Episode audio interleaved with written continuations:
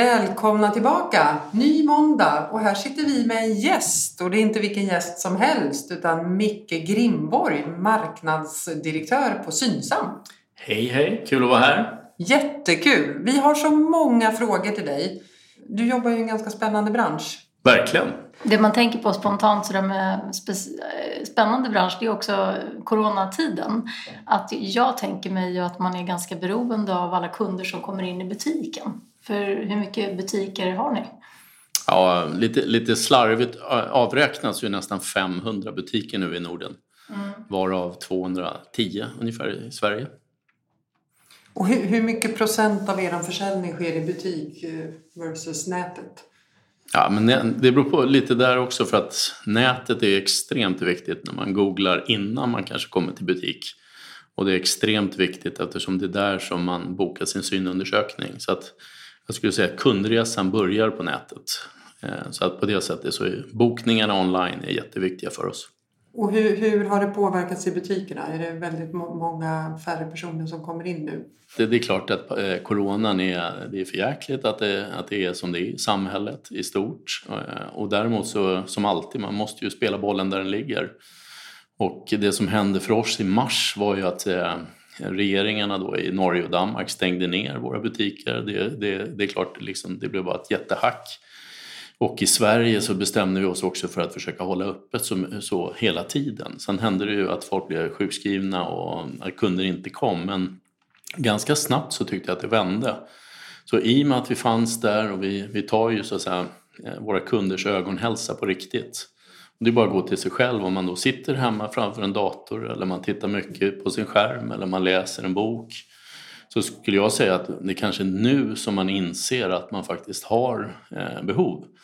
Och då behöver man en optiker och gärna gå till oss då.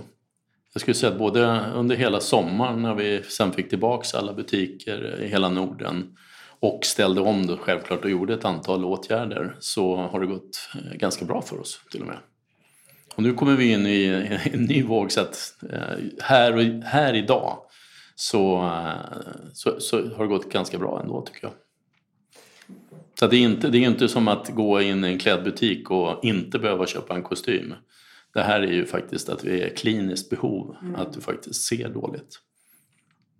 Men det här ditt jobb som marknadschef, jag tänker alla marknadsplaner, alla kampanjer och sånt som var planerat. Blev det någon större förändring?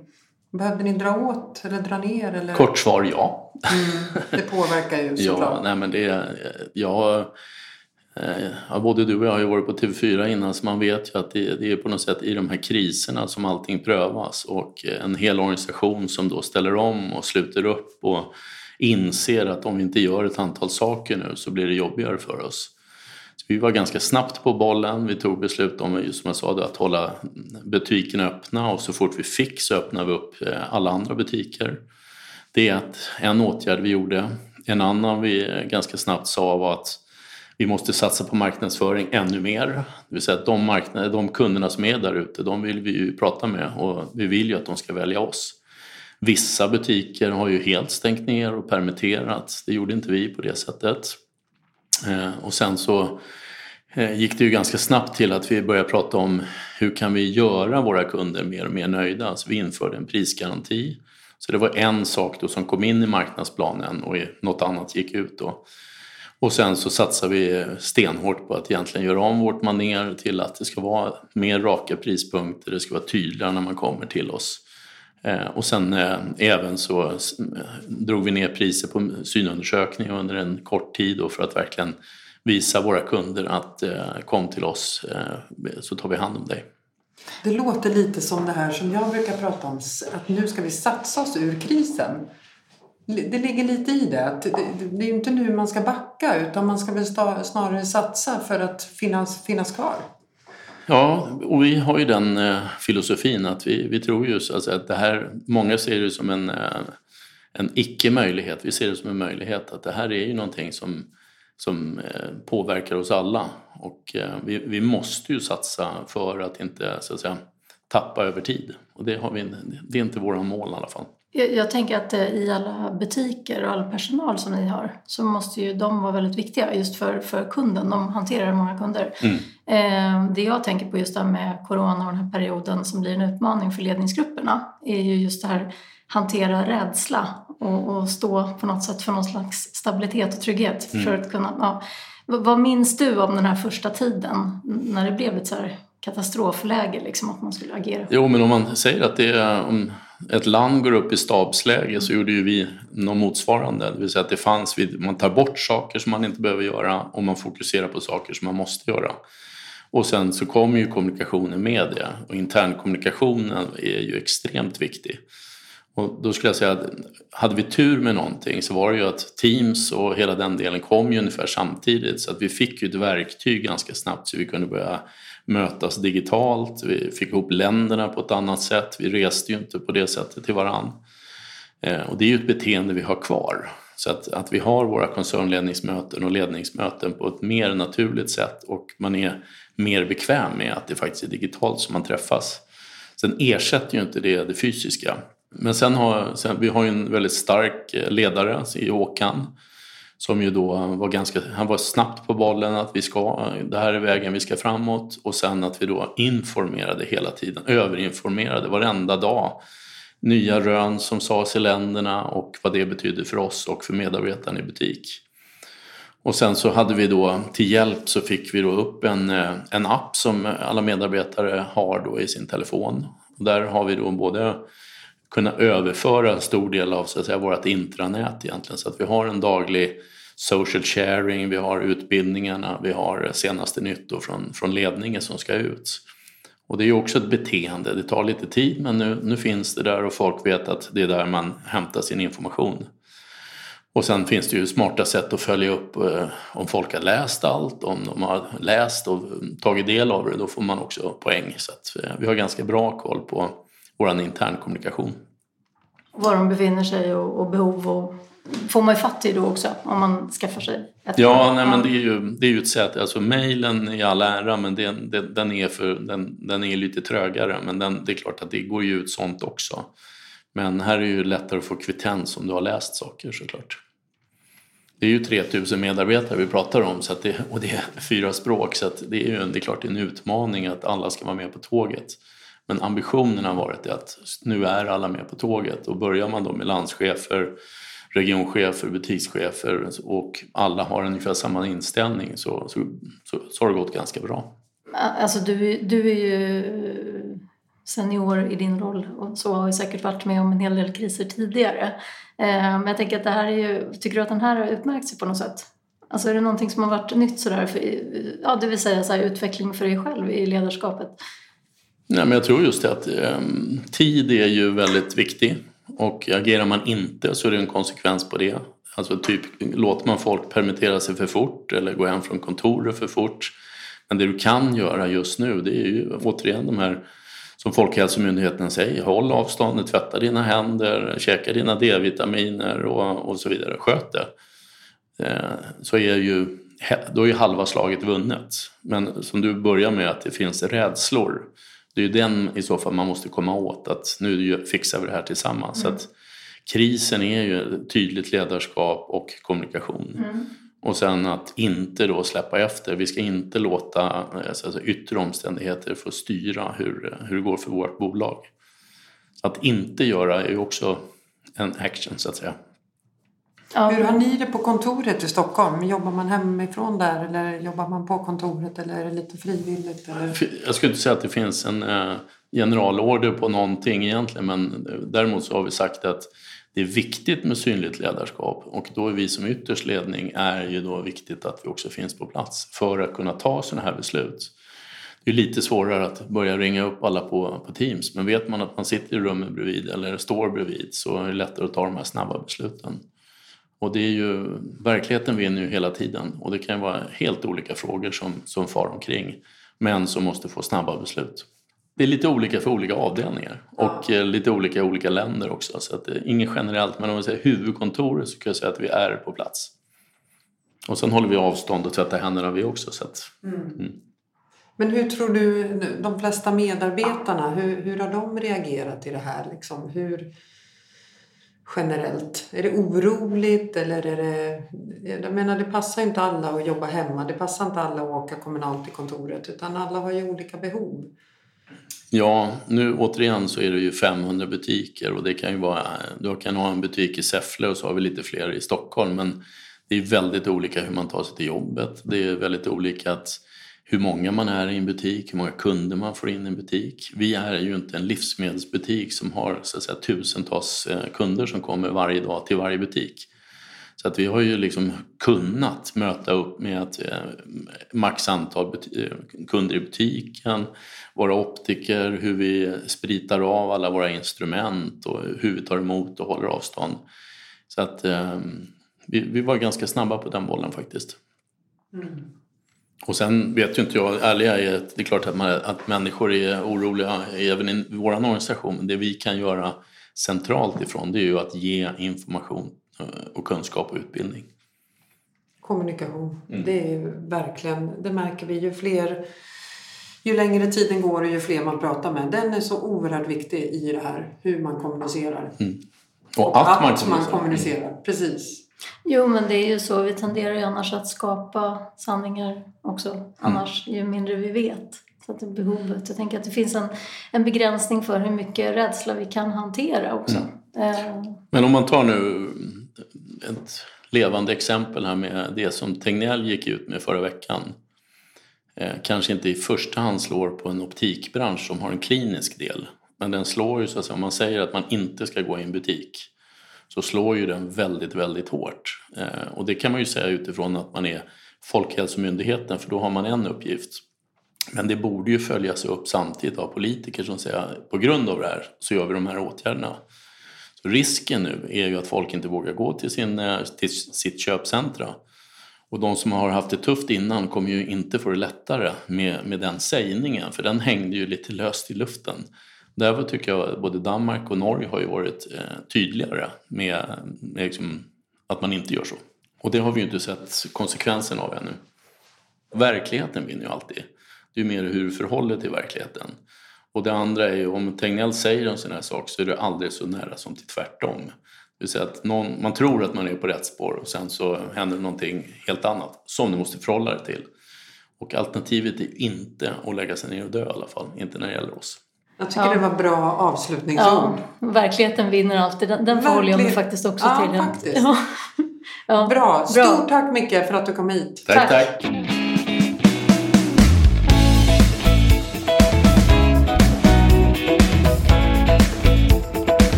Ja, men det här var ju väldigt intressant Andrea, eller hur? Med, med marknadschefen på Synsam här, Micke Grimborg, som berättade om den här flytten tycker jag.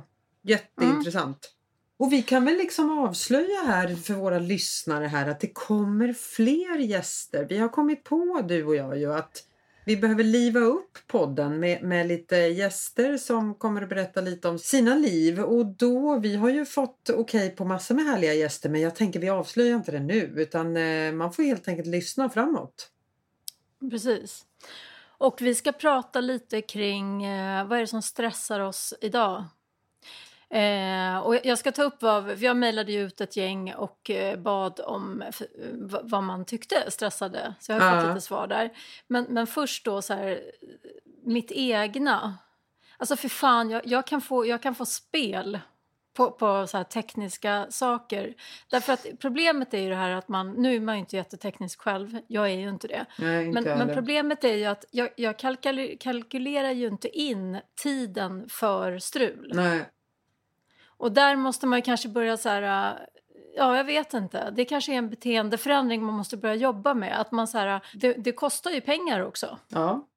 Du hör att jag är lite upprörd men... Ja jag vet och vi kan väl liksom avslöja också för lyssnarna här att vi, vi, det här är ju andra gången vi spelar in det här avsnittet. Just för att när vi hade bokat en tid tidigt i morse då strular tekniken och vi har ju liksom vi har ju avsatt en tid och då föll hela dagen blev det ju nu. Ja, Ja. Hela dagen fick man stuva om nu för att, eh, och ändra möten och så vidare för att vi behövde eh, och du och jag, eh, där är vi ju inte jättebra för varandra för att det är ju ingen som lyfter upp den andra utan vi tappar, vi, vi får ju bryt bägge två. Ja, så är det. Och, men det jag hade fått in då som mm. i alla fall, som jag tycker, det hänger lite ihop. Men mm. eh, som hon skrev sådär att eh, det här med distansarbete och digitala möten och digitala konferenser och sådär. Mm. Det är ju inte så, så att man har liksom avsatt x antal timmar i veckan för att hantera det. Alltså den omställningen som det krävs. Utan någonstans så är det ju någonting som bara ska in. Mm. Eh, bland allt annat jobb. Och det stressar människor idag. Ja. Vilket jag verkligen förstår. Och då kan man, ha, man kan vara betydligt mer tekniskt begåvad än vad, än vad jag är. Men, men ändå så är det ju så här att ja, men lägga en liksom, digital konferens och allt som ska in i det. Alltså så här, det är en förändring ja. som tar lite tid. Och det är ju inte, Sen bara, är det, det är inte bara tekniken utan jag tänker Nej. så här, nu är vi inne i hösten, nu ska alla kickoffer ske, man ska få med mm. medarbetarna på tåget, hur vi ska jobba och framåt och så vidare. Och, och det brukar man oftast göra tillsammans på, på en lokal och nu gör man det hemifrån. Den omställningen är inte helt enkelt, vare sig för dem som planerar eh, konferensen eller för medarbetarna. Det är inte helt enkelt. När man inte träffas. Nej men det är inte det.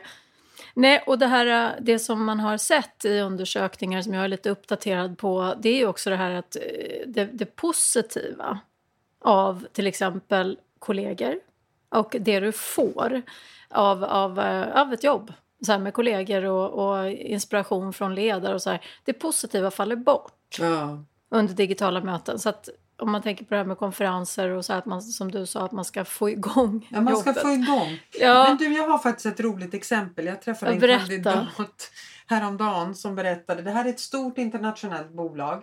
Eh, och då skulle de fira någonting för det här bolaget går väldigt, väldigt bra och de slår rekord på rekord på rekord. Eh, och då ville de fira så de skickade ut ett mejl att imorgon klockan tre så är det gemensam eh, fika liksom, via eh, webben, via Teams. Eh, och samma dag så budas det hem en låda till alla medarbetare. Mm. I lådan ligger en, en alkoholfri bubbelflaska. Det ligger en liten partyhatt, lite serpentiner, lite flaggor, lite girlanger, guld och silver och sådana saker. Så att och då få hem den här lådan, sitta hemma mm. i sitt kök, sätta på sig partyhatten och sen liksom blåsa lite i den här tutan och, och, ta ett glas alkoholfritt bubbel. Alltså det kräver rätt mycket från en medarbetare kan jag tycka, att komma igång i den stämningen. Jag tycker att tanken är ju fantastisk från den här ledningen på det här bolaget. Det är ju fantastiskt. Men det kräver rätt mycket från medarbetaren. Eller? Och komma ja, i stämning. det är inte lätt. Nej, ja. Nej, men men fantastiskt kul tycker jag idé och, och mm. liksom buda hem allt. Men, men det, det, är klart, man tappar ju lite känslan såklart. Än att om mm. man skulle ses på i en stor lokal och, och applådera och fira tillsammans. Nej, men verkligen. Och jag träffar ju en del människor med stressrelaterad ohälsa och det har ju blivit fler på grund av isolering, alltså skäl till ohälsa, så har det blivit fler som, som det är relaterat till att man är isolerad. Och då, ja. då tänker, och då, jag tänker att kanske framför allt på de här, vi har ju pratat en del om det här med att jobba hemma med familjer och barn och sådär. Men, men det finns ju också de som lever själva. Ja. Där, där mm. arbete och kollegor och sådär fyller en ganska stor funktion. Eller att man har barn varannan vecka. Mm. Och att man varannan vecka är själv. Och att man, barnen har åkt till pappan eller mamman. Eller, och så står man där liksom. Då fyller faktiskt kollegor, och, och, och inte bara kollegor utan det är också så här en massa andra sociala sammanhang som har dragits tillbaka. Ja. Och allting mm. flyter i varandra. Jag menar, Exakt. skrivbordet med skärmarna och datorn mm. och tangentbordet står där. Liksom. När är det mm. jobb och när är det fritid? Det, det blir mm. bara en salig blandning. Mm. Nej, det, det är jättetufft. Men, ja, du, men det är faktiskt det. Mm. Du som jobbar mycket med, med stress och ohälsa och sådär. Vad tror vi liksom? Kommer, kommer siffrorna gå upp nu eh, under hösten på att alltså, Kommer vi stressa mera? Eller kanske till och med mindre? Vad tror vi? Jag tror att, att det är ganska mycket som kommer resultat här snart av att man har också gått in i att man har gjort mycket åtgärder i den, i den här förändringen då. Eh, och att man blir ganska trött efter det. För att någonstans så blir det ett så här, i ett första läge så blir man ju ganska så här anpassad och gör vad som krävs. Och det är många som säger att någonstans har man så slitit rätt mycket för att eh, fortsätta hålla siffrorna på topp liksom. Alltså ett tag. Mm. Alltså det blir så lite akutåtgärder uppifrån som alla ska agera på. Men det blir ju en, ett, eh, det, det, den, det går inte att hålla i det hur länge som helst. Eh, så då, då blir människor lite trötta Mm. efter ett tag. Eh, och det är då det också märks det här med att gud, jag får ingen motivation och, av kollegor längre. Och man tycker liksom att det krävs att man måste ta i från tårna för att få ut något positivt. Det. För att förmedla något positivt under till exempel digitala möten och sådär. Mm. Så att det som man har sett som förut ganska positivt, att man har fått fler timmar, att man jobbar mer kanske effektivt, man kan koncentrera sig och sådär, så kommer mer också de negativa konsekvenserna.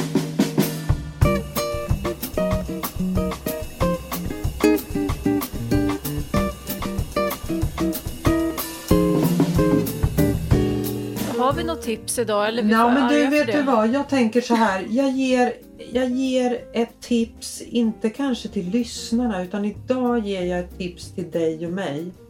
Och det gäller ju det här med tekniken, Andrea. Vi ska försöka eh, stoppa in lite extra minuter och inte ha det så tajt. För det är då Mm. man blir stressad, när man Mm. inte har den här marginalen. Så att när vi ska ha digitala möten, när vi ska koppla på olika saker så var ute i lite mera god Mm. tid för då blir det Håller inte med. det negativa. Lite marginal till, mer marginal till dig och mig. Och jag, jag har ett tips också. Jag tänker till organisation. Det här, Ja. det, det är, nästan alla står ju med några saker som man håller på och förändrar på, på grund av. Alltså till exempel digitala utbildningar, digitala konferenser, digitala. Och, så. och då tänker jag att eh, det är faktiskt så att jag menar, när vi gör den här effektiviseringen så bidrar det på lång sikt till betydligt större effektivitet. Mm. Alltså, men här och nu så kostar det kanske på lite grann i form av stress. Och då tänker jag att man behöver också dryga ut den där pucken så att man ser att man gör ju ett jobb som man hade kanske gjort annars på tre år i att effektivisera. Nu gör man det på ett halvår. Ja, men det, det, det får också konsekvenser. det får Det går inte konsekvenser. att pressa in liksom lika mycket av allt under den perioden. Nej. Man får se att effektiviteten kommer också med tiden. Nu ska jag sluta prata. Bra tips. Tack för mig. Men du, det får avsluta den, eh, dagens avsnitt. Och eh, till våra lyssnare säger vi fortsätt höra av er med ämnen. Fortsätt mejla och höra av er. Vi tycker det är jätteroligt. Och sen Mm. önskar vi väl en fortsatt bra vecka. Vi gör det. Strålande. Ta hand Tack om för varandra. idag. Ja, tack för idag. Hej då. Hej då!